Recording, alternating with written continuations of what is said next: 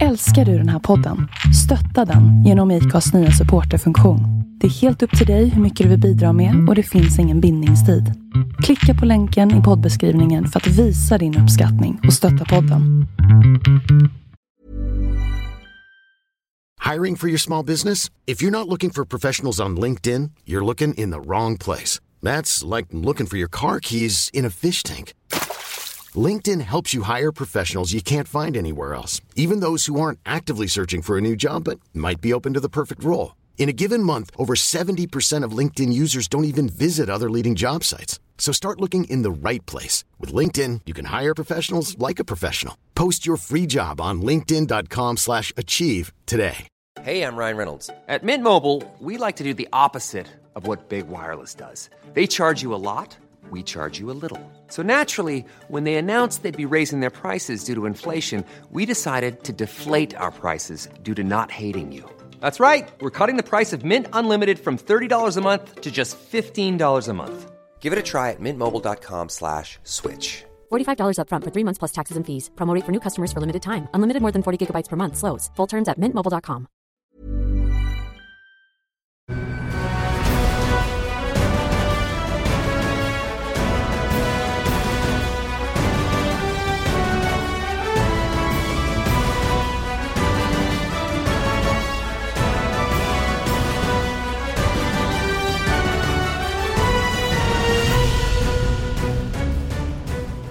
Varmt välkomna till ännu en eh, MotoGP-podd med Lion och eh, Mårtensson. Och eh, Andreas Mårtensson, hur är läget för dig? Ja men det är jättebra. Eh, våren har kommit. Jag, eh, eller vi, ska till Jerez i helgen. Ja, visst känns det bra? Där Ja. lär det vara sommar ordentligt. Ja, där lär det vara sommar. Jag tittar på väderprognosen. Det är lite risk för regn faktiskt på fredagen. Och det är inte första gången vi har sett det nere i södra Spanien.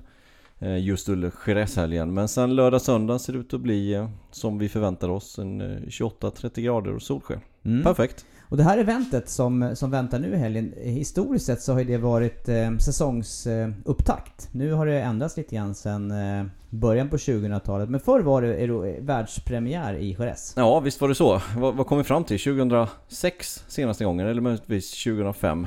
2005 var det nog sista gången som premiären var i Jerez. Men eh, nu är det inte så längre, utan nu eh, är det ju tre flyer race, som, flyaway race som vi har varit på. Vi har varit i Qatar, vi har varit i Argentina och sen senast i Texas. Mm. Och så långt på säsongen då? De här racen är ju kanske inte talande för, för hela säsongen, men vad är ditt intryck utav de eh, tre race som har körts?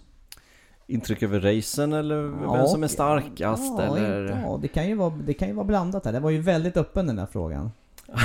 Det, det kan man verkligen... ska- kan vi inte vända på den? Kan inte, kan inte du börja själv? Jo, och jag, det, det som rör sig i mitt huvud efter de här, ofta efter de här inledande racen, det är hur... Eh, eh, ja, hur många oförutsedda grejer som faktiskt eh, händer. Och, och det, det mest oförutsedda eh, som jag tycker, det är ju det, är ju det här kring, kring Argentina fortfarande. Och eh, vädret och, och kvalet där med Miller och... Ja, det var så många saker som, som det gjorde den helgen extra spännande. Ja, jag håller med om det. Eh, och precis som du säger, det, allting kan verkligen hända och det har vi verkligen fått sett också här de första tre racen. Däremot så var det ju Förra racet i, i Texas var ju inte det bästa jag har sett. Eh, det var det ju inte. Eh, men fortfarande bra tycker jag. Ja, men jag tycker att eh, ofta, fler, de, de år som, eh, som GP-serien har varit i Texas och åkt så har det ju inte varit så där täta race egentligen. Någonsin. Det, det är några fighter här och där på banan. Men, men jag tyckte ändå att vi hade, jag hade en upplevelse att det här loppet, där, där pushade förarna relativt hårt. Eh, Marquez, han slog ju inte av förrän han hade sin rejäla lucka på 5, 6, nästan 7 sekunder var det väl som högst. Ja, ja precis. Nästan åtta tror jag Ja. det var. Det var inte det.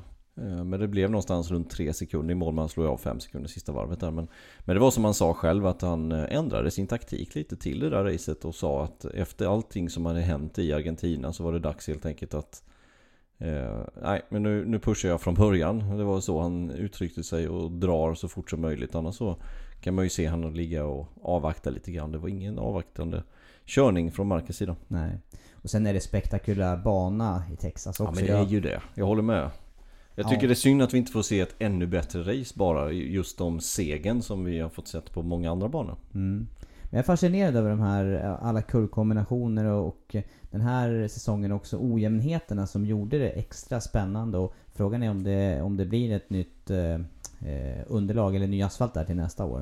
Jag kan inte tänka mig något annat. Det, det, måste det nästan bli. Så mycket klagomål som det var, så smutsig som banan var, speciellt på fredag. Man trodde ju, vad är detta för någonting? Är det dimman som har kommit in när de åkte ut på raken? Eller vad handlar det här om? Nej, det kändes overkligt. Ja det, ja, det var precis, vad är detta för någonting? Det, det, det, det kändes som att man åkte ut på, som jag sa där i sändning också, STCC på Knutstorp eller någonting och ny asfalt ligger. Och, och det kändes inte som MotoGP direkt. Nej, Mad Max fick jag eh, lite flashbacks till. Eh, det var ju 80-talet och, och sån här eh, domedagsfilm med eh, Mel Gibson jag för mig.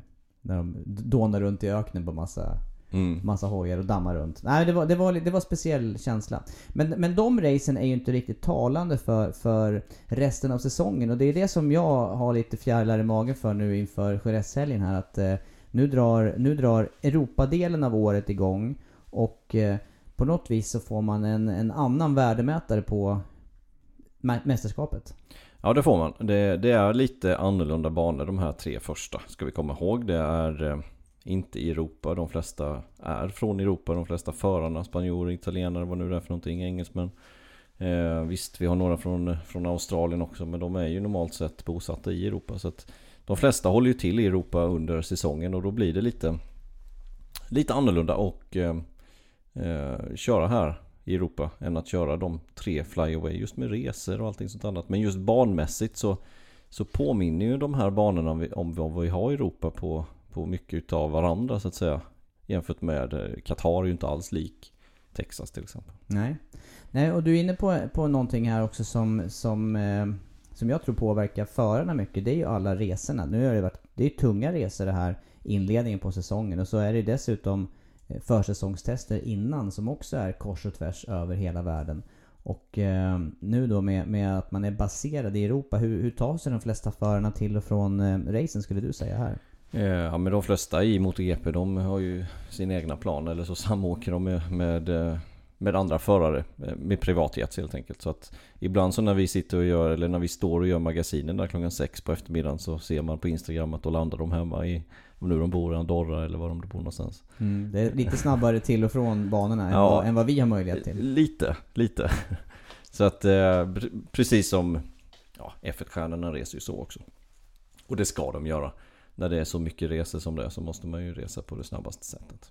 Men däremot eh, förarna i de lägre klasserna, de kan vi ju ofta se på de här sista ja. Eh, anslutningsflygen som, eh, som är mot banorna. Och det är ju ett bra exempel på Qatar till exempel när vi reste därifrån tidigt måndag morgon. Hur många förare såg vi inte i den där från lägre klassen? Inga MotoGP men vi såg ju pappa Marquez med Alex Marquez bara ja, tre personer framför oss till exempel.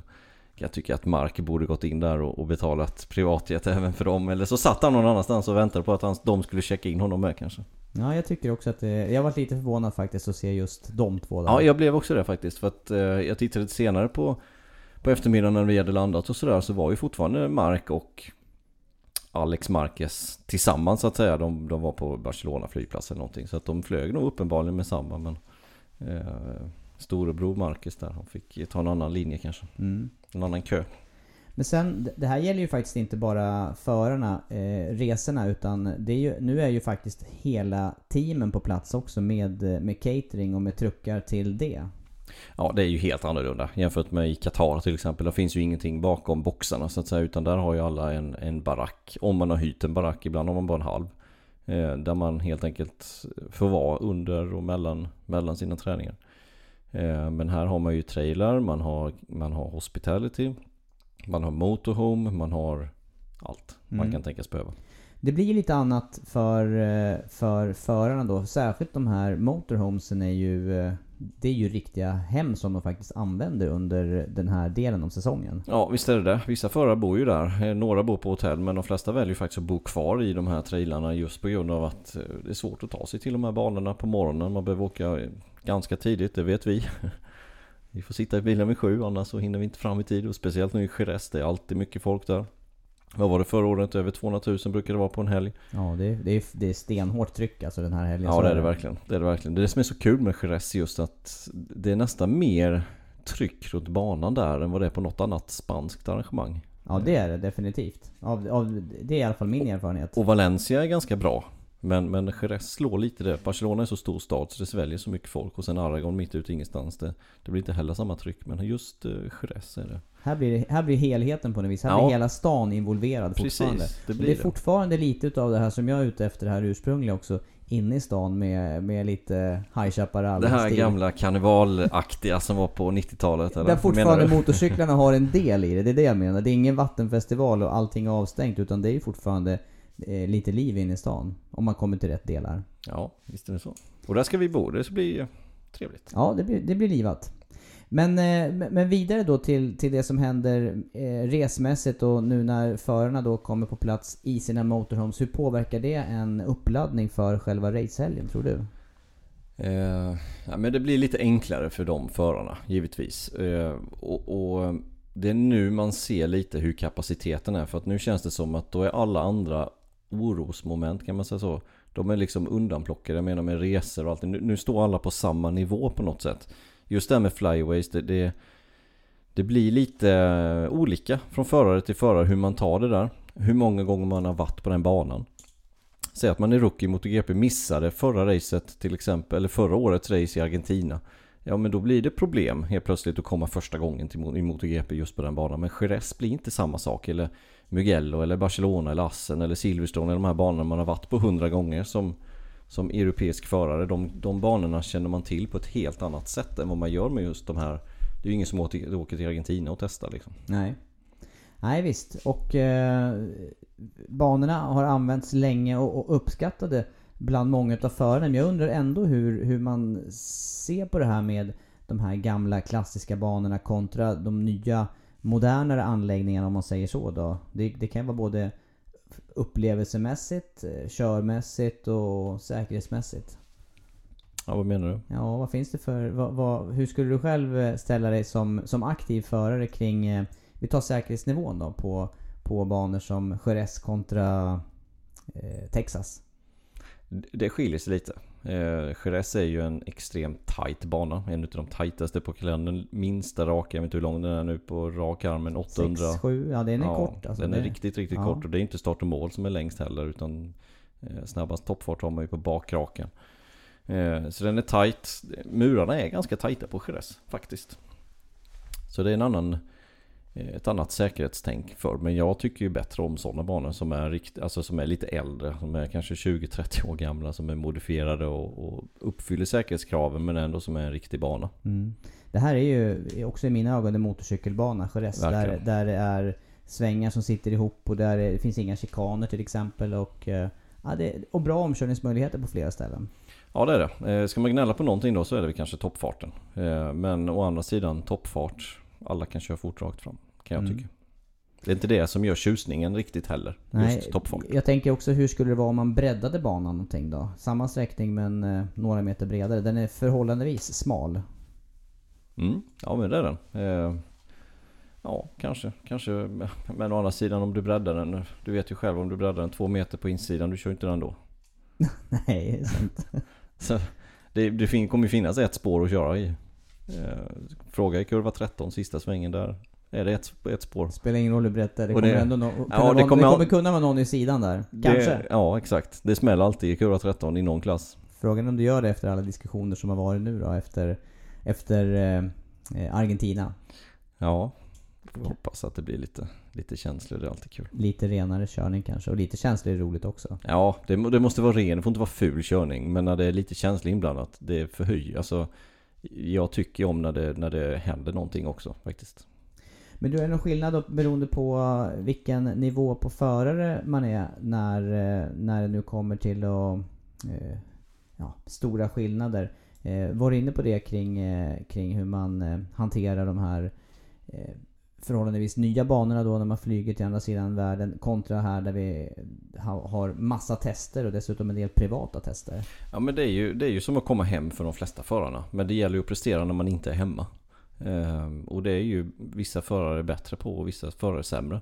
Men just när den här säsongen av året drar igång, just Europasäsongen med de här Nu har vi ju Europarace fram till Thailand ska vi komma ihåg. Där, där, folk, alltså där, där teamen och förarna har sina motorhomes och trailar och allting sånt där. Och Thailand är ju i oktober. Mm. Någonstans där. Så att på något sätt är detta som sätter tonen lite. Den som är snabb nu i helgen kommer inte vara superlångsam nästa helg. Och det kommer inte vara tvärtom. Nej. Utan det kommer hålla sig där. Jag tycker ändå att de tre race som har varit så har vi fått en ganska bra värdemätare på vilka som kommer vara med i år och vilka som kommer ha det lite tyngre. Och än så länge så är det faktiskt eh, Dovizioso som leder mästerskapet före Marquez och sen har vi Vinales, Crutchlow och Sarko i topp 5. Det skiljer bara 8 poäng fortfarande efter tre race. Ja, det är ju extremt tajt. Och sen har vi ju massa förare bakom den som lurar också. Vi har ju Rossi till exempel som... Eh, vad har vi Rossi någonstans? Han är på sjunde plats. Vi har Enonne på en sjätte plats. Eh, vi har ju Pedrosa dessutom. Han är nere på en elfte plats i mästerskapet. Han har bara 18 poäng. Så han är ju rätt långt efter med sin... Han sitt armbrott som han ådrog sig här i Argentina. Nu körde han, blev, blev han sjua Mm. i, i Texas. Extremt bra. Extremt bra med bruten hand. Det var tuff insats. Riktigt tuff. Och nu kommer vi till en bana där vad han vann förra året. Dominerade hela helgen. Hoppas verkligen att hans eh, arm är eh, i ordning här nu. Att, att han kan prestera på den höga nivån. För du hade väl kollat upp det där. Hur, eh, hur lång tid var det det behövde läka? Det var bara två till fyra veckor, var det Ja, inte så? kort läketid. Jag har för mig att det var det som du nämnde där och eh, Sen är det ju ändå smärtan. eh, Alla frakturer känns ju efteråt. Det, Ja. kan ju vara hur starkt som helst och läkarna kan säga att det där håller att köra med och eh, ja, alla som har haft frakturer vet att just under belastning så är det ju inte, det är inte skönt i början. Man borde kunna fixa det på något sätt. Ja, det verkar som att de gjorde lyckat i, i Ja. USA. Ja, verkligen. Annars, Jag hade, såg någon- annars vet jag inte hur det där skulle ha gått. Jag såg någon bild faktiskt på sociala medier där på Pedrosa. Han hade bara ett litet, litet plåster just på insidan här. Eh, som täckte väl såret men där skruven satt. Hi, I'm Daniel, founder of Pretty Litter. Did you know cats tend to hide symptoms of sickness and pain? I learned this the hard way after losing my cat, Gingy. So I created Pretty Litter, a health monitoring litter that helps detect early signs of illness by changing colors, saving you money and potentially your cat's life. Pretty Litter is veterinarian developed, and it's the easiest way to keep tabs on your fur baby's health right at home. Go to prettylitter.com and use code ACAST for 20% off your first order and a free cat toy. Terms and conditions apply. See site for details. Ever catch yourself eating the same flavorless dinner three days in a row? Dreaming of something better? Well, HelloFresh is your guilt-free dream come true, baby. It's me, Kiki Palmer. Let's wake up those taste buds with hot, juicy pecan-crusted chicken or garlic butter shrimp scampi. Mm. Hello Fresh. Stop dreaming of all the delicious possibilities and dig in at HelloFresh.com. Let's get this dinner party started. Hey there, it's Michelle Norris. I'm host of a podcast called Your Mama's Kitchen. When I travel, I'm usually looking for a way to find a taste of home when I'm not at home. And one of the things I love to do when I am at home is entertain. And Airbnb allows me to do that. When I was in California recently, I rented a house that had a great kitchen. And when we were sitting around the table, we we're all thinking, we're in someone else's house. Someone could be in all of our homes as well. If you have a home, but you're not always at home, you have an Airbnb. Your home might be worth more than you think. Find out how much at airbnb.com/slash host. Antagligen. Ja. Eh, Så att det såg väldigt lite ut för att ha brutit armen för tre veckor sedan. Mm. Du var inne på det, överlägsen här förra säsongen, men nu är det fortsatt... Eh, jag tycker det har varit det inledningsvis på året. Det är fortsatta frågetecken åtminstone när det gäller eh, asfalten. För här har man lagt ny asfalt nu till den här Ja. säsongen. Ja, det har man gjort. Ny asfalt är det här. Eh, Och det kommer jag ihåg från förra året. Då var det låg greppnivå. Någonting som Yamaha avskydde. Någonting som Honda och Marcus alltid har gått bra på. Den gången också Pedrosa. Eh, Nu ska vi se om det är olika styrkeförhållanden de två emellan. Eller om Honda kanske... För de var ju helt överlägsna förra året. Repsol-Honda den var helt öv- överlägsen. De snittade ju nästan en sekund snabbare på varv under racet. Att Pedrosa åkte så pass fort det var ju för att Marcus pushade honom. Annars, annars hade han ju vunnit ja, lätt på ett Mm. annat sätt. Ja, team, Så att visst. teamkollegor som pushar varandra. Det, det, ju, det kan vara nyttigt. Det såg vi inte minst i F1 senast. Jag vet inte hur nyttigt det var i slutändan där mellan Red Bull-förarna. Nej, det slutade ju tårar. Gjorde det ju. F1 ja. Mm. Oväntat hård körning. Mellan Ja, två verkligen. team, eh, teamkollegor. Verkligen, ja. Framförallt från en teamkollega skulle jag vilja påstå. Verstappen som var... Ja, han var het. Han var Mm. het. Men det får ni följa i F1-podden. Ja, det tycker jag. Låter Ja. bättre. Där- Med Janne och Erik, där analyserar de säkert vad som har hänt där. Säkerligen. De är säkert bättre än vad vi är också. Jag kan bara säga att det small helt enkelt. Ja visst gjorde det. Men det kanske vi kan återkomma till när vi, när vi fortsätter att diskutera längre fram här under säsongen kring, eh, kring hur man ska se på sådana här eh, sammanstötningar. Vi pratade mycket om det i vår förra podd redan. Ja exakt, vi hoppas ju kunna få lite eh, andra inputs nu när vi kommer ner. Eh, hoppas vi kan få prata med ja, vissa intressanta människor i depån. eh, Och se vad de tycker är hård körning och inte hård körning och vad man ska tillåta och inte tillåta. Mm, för jag tycker du också är inne på det här. Eh, vi vill ju ändå se hård körning, men, Ja. men inte ful. Nej, Och inte farlig. nej, men hur ska vi, hur ska vi fixa det? Nej jag vet inte. farligt liksom. Vad- vad- Det är klart det är farligt, Farligt, när man farligt åker 350 farligt. km i timmen. Liksom. Det, det är klart att det är farligt, det går inte att komma ifrån. Men sen måste man ta bort vissa hjärnsläpp som vissa förare har haft genom åren. Så kan man säga. Men, men jag tycker om när det händer lite, lite drama. Det är klart det ska vara lite drama. Det är klart det ska vara lite sura miner, lite fingrar i luften, lite, lite sådana här saker så att det händer någonting. Det tycker jag. Men det får finnas en gräns också. Och, och det är frågan, var går den Den, gränsen? den kanske redan kommer att utkristallisera sig under den här helgen. För, för som du är inne på, kurva 13, avslutande Ja. eh, vänstern på det här varvet. Där har det hänt mycket genom åren. Ja, det, Det är ju en, det är en fenomenal avslutning egentligen. Ja det är det. det, är det. Ehm, där har det hänt extremt mycket och den som är mest känd därifrån det är ju Rossi när han kör om eh, där. När kan det ha varit? 2005 kanske? Ja, Något fyra sånt där. eller fem. Fyra eller fem, fem skulle jag tro. Ehm, så det är klart att där har det smält förut och det kommer smälla igen och det kommer hända i någon utav klasserna någonstans. Det är garanterat. Frågan är bara var och när. Mm, vi såg, det det var inte länge sedan vi såg ett stenhårt eh, Moto 3-race där. Ja, Med, exakt. eh, Var det, kanske, inte, var, det kanske var förra det var året? förra året med Finati där som petade omkull Darren Binder var det inte så? Ja, och där åkte ju även eh, eh, Binders eh, teamkollega där, Ramirez. Ramirez ja. Åkte också stenhårt. Ja det gjorde han. Men, eh, men Ja. Binder åkte lite fulare. Ja, han- ja det var Hårdare, hårt. Fulare. Och Fenati åkte ännu fulare. Ja, han tröttnade till slut. Ja. Han trött... Nej men det ska bli intressant att se. De har ju lovat nu att, att straffen ska bli ett steg hårdare än innan. Men bedömningen ligger kvar. Så har de ju sagt. ja. Eh, och frågan är ju vad det betyder i praktiken. Det ska bli intressant att se. Det vill säga att eh, om vi tar till exempel nu då vad Marquez påkörning, omkörning, vad nu det var för någonting av Alicia Sparger då. Den renderade i en plats. Att han får släppa en plats. Eh, och det skulle alltså varit nästa steg. Och vad är nästa steg då? Jo, det kanske då släppa fem platser.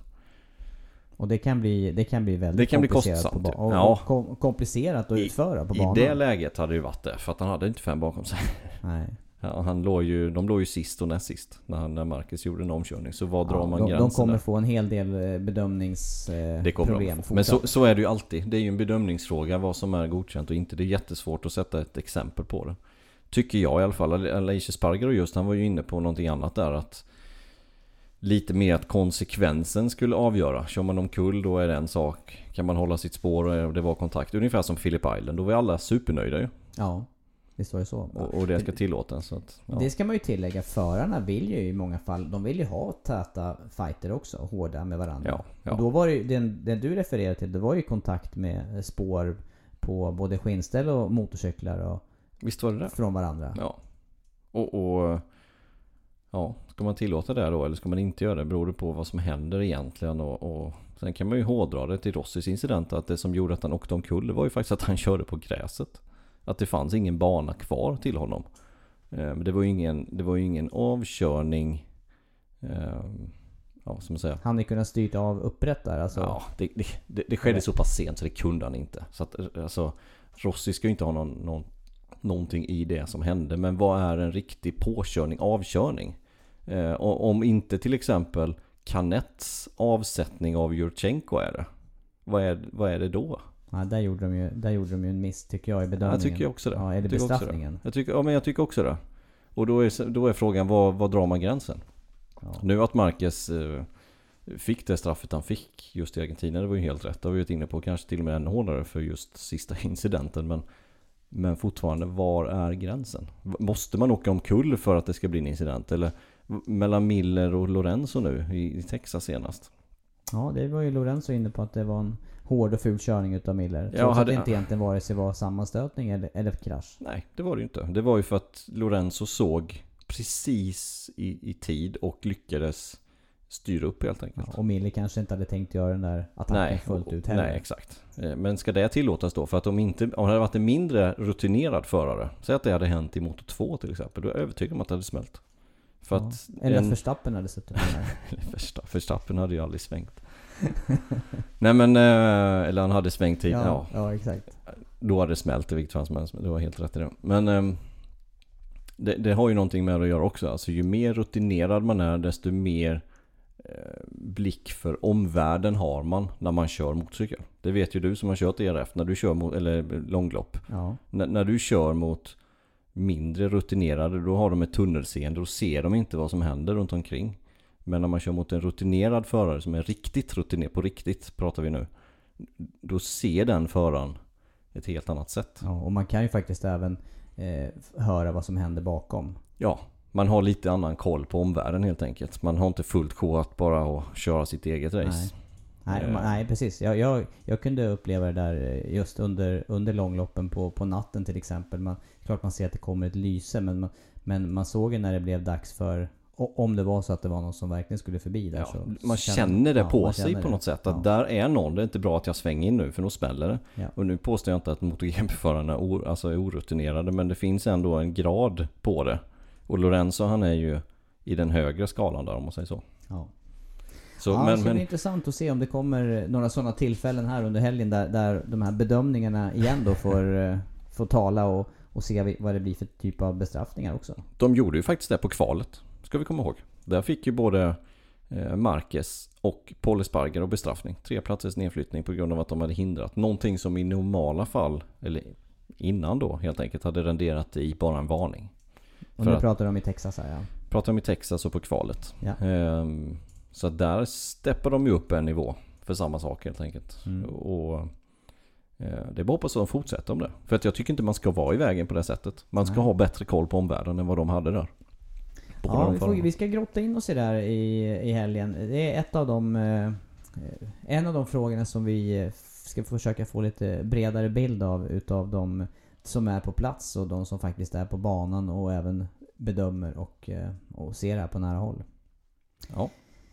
Eh, vad säger du själv då om, om eh, förutsättningarna inför helgen här med eh, vilka förväntar du dig se starka? Är det det här klivet framåt för Yamaha som du säger? Fortsatt styrka, eller st- fortsatt starka eh, Honda-förare? Du har inte nämnt vare sig Suzuki eller Ducati i det här. Nej, Suzuki har ju överraskat på mig faktiskt de sista två racen. Två pallplatser här på de två senaste. Första med Rins med en tredjeplats och sen eh, i Argentina och sen en tredjeplats för Janone. Det var, det var starkt av Janone. Riktigt bra var det faktiskt av, av Janone i Texas. Eh, och var trea i mål där. Jag trodde att det här tar Rossi hur lätt som helst. Men det gjorde han inte. Han fick ge sig på det. Och blev ifrånåkt till och med. Och det, det, det är bra gjort av Janone. Ja, jag blev också förvånad. Det, det såg ut som att det skulle bli en lätt match för oss i ett, Ja. i ett skede där. Det kändes lite så. Att eh, nu drar Vinales, nu kommer Rossi också. Men det, det ville sig inte riktigt. Rossi sa sig hade lite problem med framdäcket i de snabba svängarna som man inte hade haft under helgen. Så att eh, det var någonting som inte stämde där för Rossis del. Eh, men eh, nej, vad, kommer vi få se i helgen? Marquez otroligt stark, givetvis. Eh, ja, lägst odds garanterat på honom. Lorenzo gjorde ett bra race här förra året också. Det gjorde han, men förra året var lite knepigt det här racet. I och med att det var ganska låg greppnivå. Eh, och Yamahana totalfloppade. Eh, så att... Mm, tveksamt om Ducati kan vara på pallen tror jag faktiskt. Jag tror de får det tufft. Eh, men eh, ska bli intressant se vad Pedrosa kan göra.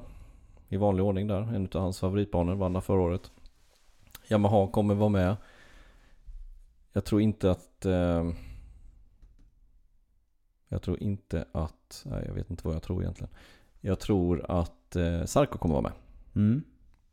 Han har sett stark ut senaste tiden. Ja det har han verkligen gjort. eh, Och, och, dessutom med, med massor av självförtroende. Men jag, också, jag är lite fundersam också, eller undrar över vad du säger kring det här med, eh, med hemmastöd. Just, eh, du, du nämner Pedrosa där som, som dessutom är spanjor och, och hur mycket extra stöd och hjälp är det faktiskt på banan att man kör i, sin, i sitt hemland? tror inte att det betyder överdrivet mycket faktiskt. Pedrosa har varit i MotoGP sedan 2006. Alltså det... Nej, nej det tror, jag tror faktiskt inte det. Det, det. det som är runt omkring givetvis att allting blir lite lättare. Eh, men annars så, de har varit på de här banorna så många år nu så att jag tror inte det spelar så jättestor roll faktiskt. Nej. Det Vill du jag ge dig på en eh, tippning av Ja. pall till och med? Ja, det är ju just det. Du har, Du var ju nästan där nu i, förra meningen. ja, var det? Ja, du börjar ju Ja, här var med, med Var olika. Nej men jag, jag tror Fabrikat att... i eh. Ja, fabrikat. Men det är lättare. Det är bara 6 jämfört med bara- 24. Ja, exakt. Nej men eh, jag tror att eh, Marcus kommer vara starkast. Det tror jag. Marcus vinner på söndag. Tråkigt men vi får se om det blir sant. Ehm, sen tror jag att nu har man ju förmåga återigen att tippa efter vad, vad man såg förra racet. Det så? Och det är ju superfarligt. Det är ju helt idiotiskt egentligen för det blir inte likadant två gånger i rad. Nej men då sätter jag Rossi som tvåa och Vinales som trea. Mm. Så gör jag. Rossi tvåa, Vinales trea. Jag tror det är dags för Rossi nu att eh, steppa upp lite. Och ta en andra plats här. Jag tror inte att han kommer vara i fight med Marquez. Jag tror att det kommer vara i sådana fall Vinales och Rossi som fightas om andra plats. Och så blir Pedrosa fyra. Så får det bli. Intressant. Ja, jag eh, kanske ska göra en sån här uh, högoddsare här nu så att det händer någonting på Ja, tippningsfronten. det gör du helt rätt ju- Det lönar sig ju inte i och för sig. I våran poängräkning så lönar det sig ju inte de här högoddsarna Nej, riktigt. de gör inte det. De gör inte det.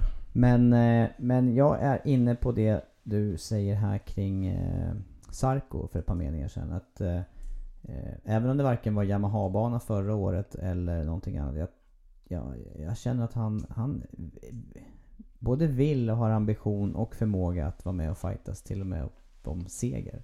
Ja, du tror det? Jag tänker sätta honom överst Ja, jag tycker du är helt rätt i det faktiskt. Eh, och sen så tror jag att eh, Marcus, jag tror att det kan vara en, ja, Det här är lite drömscenario för mig. Det vore, vore häftigt att se en, en fight med, med Marcus och Sarko eh, Ja, det hade racet. det. hade det. Båda är hårda. Båda är riktigt hårda. Och då tror jag att eh, det, det är läge nu för Sarko att och slå Marcus. Marcus ja, så då så sätter jag Marcus andra. Och sen är jag inne på din linje där också men, men jag sätter Rossi på, på tredje. Att han, Det gör du alltid. sätter jag alltid Rossi som Ja. trea. Ja, Jag du- kan inte utelämna du, honom. Nej, du kan aldrig utelämna Rossi. Det blir rätt ibland också. Ja, det har du absolut Ja, rätt i. jag sätter så här nu då, får vi se. Tänk om det hade slått in den pallen, den hade jag velat se. Sarko, Marcus, Rossi. Tänk om vi får se den live här på söndag. Ja, Och så sitter vi på utsidan i kurva 13. Då kommer vi se det perfekt. ja det gör vi. Ja, det ska bli, det ska bli väldigt, Ja. väldigt roligt. Ja, det ska det Och bli. eh, jag tycker också att ni som lyssnar på det här kan ju redan nu börja samla på er lite frågebatteri. För vi tänker köra Facebook livesändning här under helgen. Mm. Eh, Och då är ju vi glada och tacksamma för inkommande frågor. Och eh, ja, det får vara högt och lågt. Som, som vanligt. Får vi försöka att hantera det när det, när det är dags. Ja, exakt. Ja, vi får se när vi ska göra den. Vi har inte riktigt eh, sorterat ut tidsschemat riktigt när vi kan göra den. För att gör vi den på banan så får den maximalt egentligen vara 10 minuter lång. Ibland har vi fått dispens upp till 20 minuter. och Ibland räcker ju inte den tiden. Det såg vi senast. Då höll vi på över en halvtimme och det var fortfarande mängder av frågor som vi inte hann med. Så Mm. vi kanske gör den när vi inte är på banan helt enkelt. Så kan det bli. Så kan det bli. Ja, ladda med frågor i alla fall till eh, Facebook livesändning och eh, det är alltså fjärde deltävlingen i årets eh, MotoGP-säsong som bara är ett par dagar bort innan presskonferens rullar igång och sen är det fri träning fredag, kval lördag och race söndag och då är det vanliga Europatider som gäller. Hela helgen, vi har satt motor, via Play. Följer ni oss på? Någonting, Start. du vill, någonting du vill tillägga? Start av MotoGP-race 14.00 uppsnack 13 och 25. Bra. Ja, Söndag. lägg tiderna på minnet så hörs vi och ses under helgen.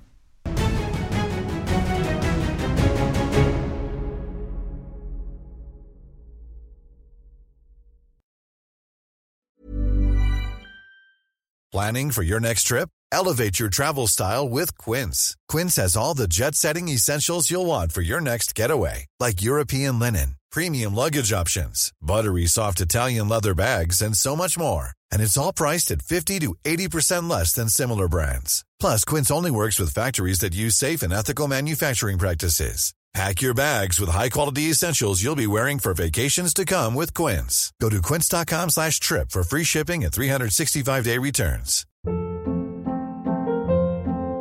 Hold up. What was that? Boring. No flavor. That was as bad as those leftovers you ate all week. Kiki Palmer here, and it's time to say hello to something fresh and guilt-free. Hello Fresh. Jazz up dinner with pecan-crusted chicken or garlic butter shrimp scampi. Now that's music to my mouth. Hello Fresh. Let's get this dinner party started. Discover all the delicious possibilities at hellofresh.com.